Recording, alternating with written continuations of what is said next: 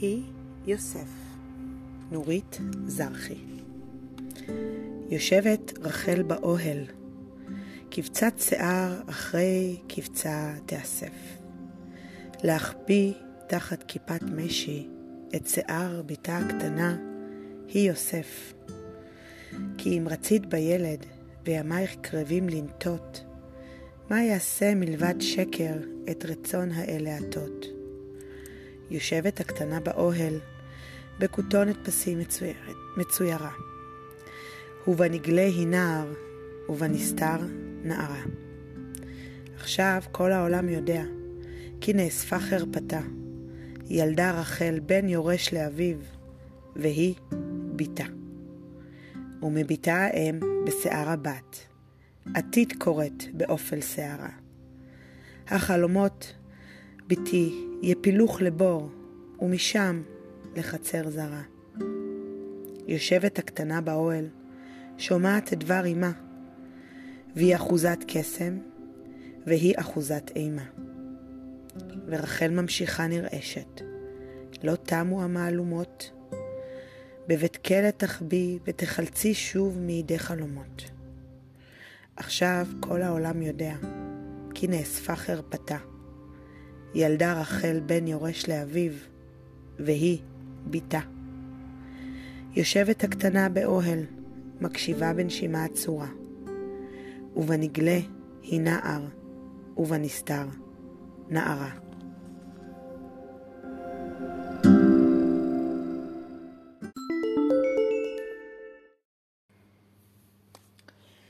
בשיר "היא יוסף" מאת נורית זרחי אנחנו יכולים לראות אינטרטקסטואליות, מערכת יחסים, הישענות של השיר על סיפורי יוסף המקראי.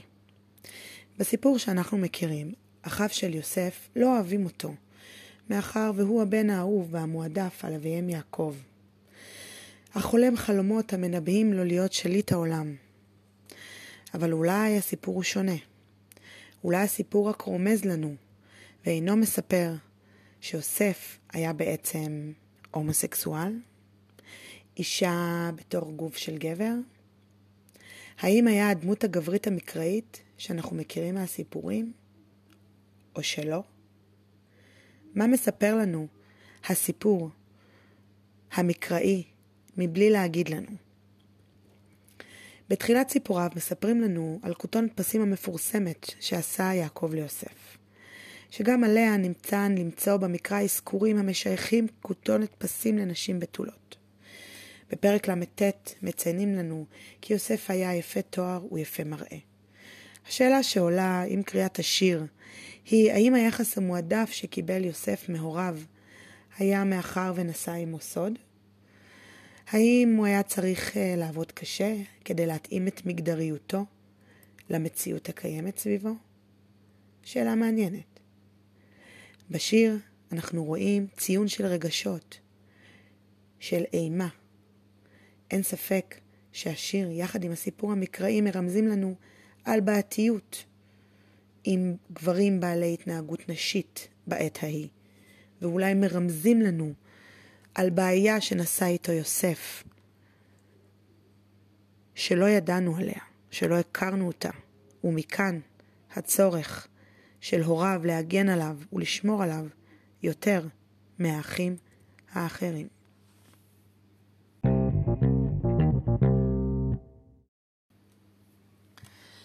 בחלק זה אזכור את הרמזים שלדעתי ניתן למצוא בטקסט המקראי כדי לבסס את הטענה על זהותו המגדרית והמינית של יוסף. כפי שציינתי כבר בחלק הקודם, יוסף היה יפה מראה, יפה תואר, ובכן, אין אנו יודעים הרבה על אופיו האישי של יוסף, אבל אנחנו כן יודעים שהוא נוהל דגדולות, ומתוך תהומות גדולים ואפלוליים עלה לשלטון ולשליטה על הון רב ועם גדול.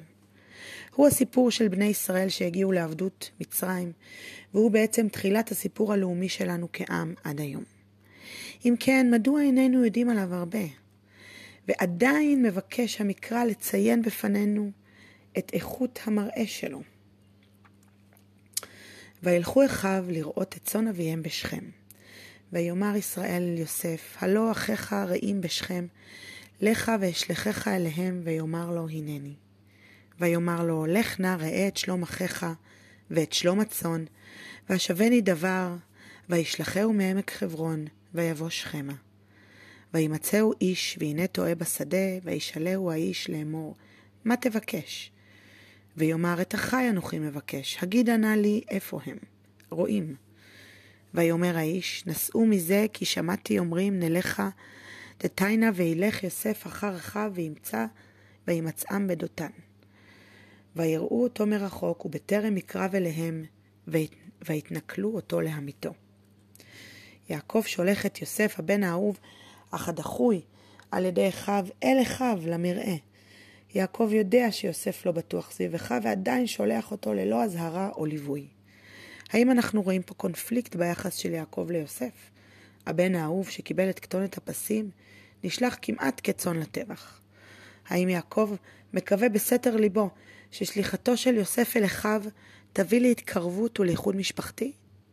או שיעקב מבין כמה גדול הקושי של יוסף, ובסתר ליבו מקווה שהאחים יפתרו את הבעיה המשפחתית עבורו.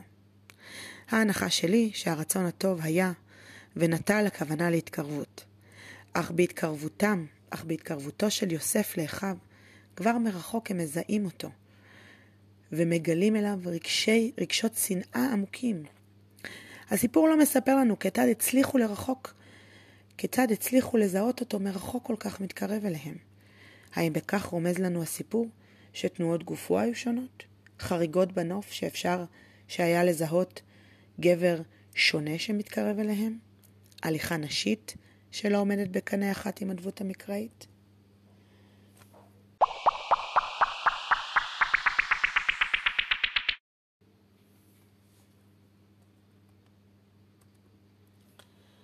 ויהי אחר הדברים האלה ותישא אשת אדונה ותנה על יוסף ותאמר שכבה עמי. בסיפור המקראי אנחנו רואים את אשת פוטיפר, שעל פי כל הנאמר עליה במדרשים הייתה אישת יפת מראה, מינית, נשית מאוד, שהיו לה מחזרים רבים. היא מבקשת מיוסף להיכנס איתה למיטתה והוא מסרב. האומנם? מדוע סירב?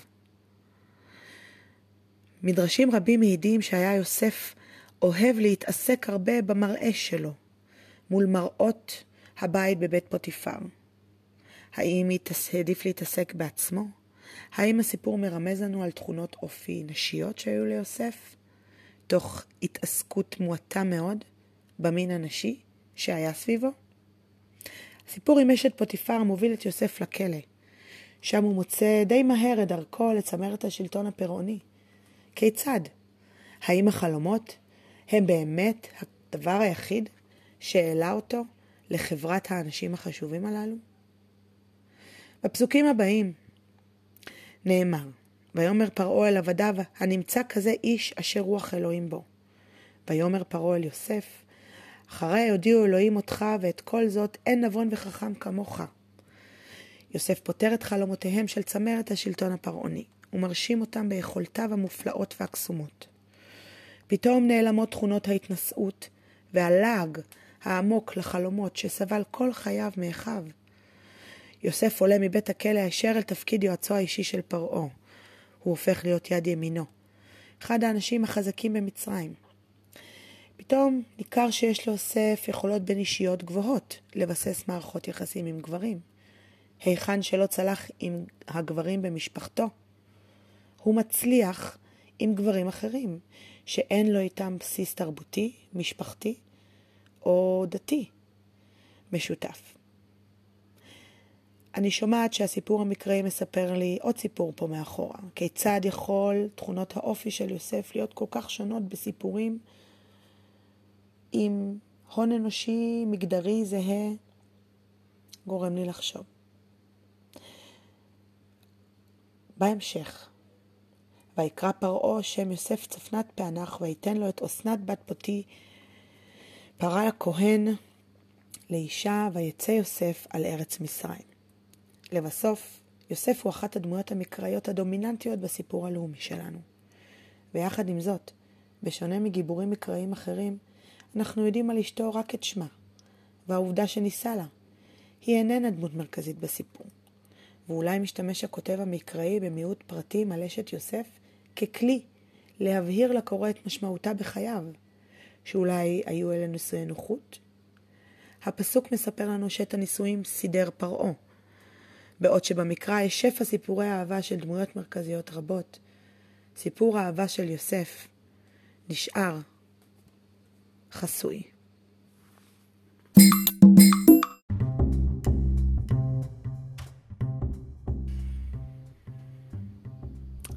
לסיכום, יוסף הוא אחד הדמויות המקראיות המעניינות והשנויות במחלוקת שנעשו עליו ניתוחים רבים ונכתבו עליו שירים רבים. נוצרו הרבה יצירות אומנות סביבו והמון המון פרשנויות מכל מיני קצוות מנסות לאגד ולהבין את הסיפור הנפלא הזה עד סופו.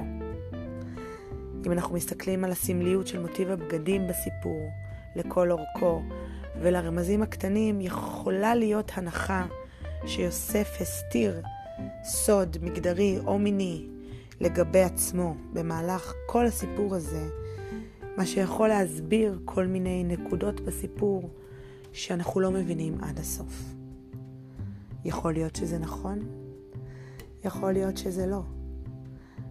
המחשבה פותחת את הראש וגורמת להתעסקות בתוך הסיפור בפרטים השונים.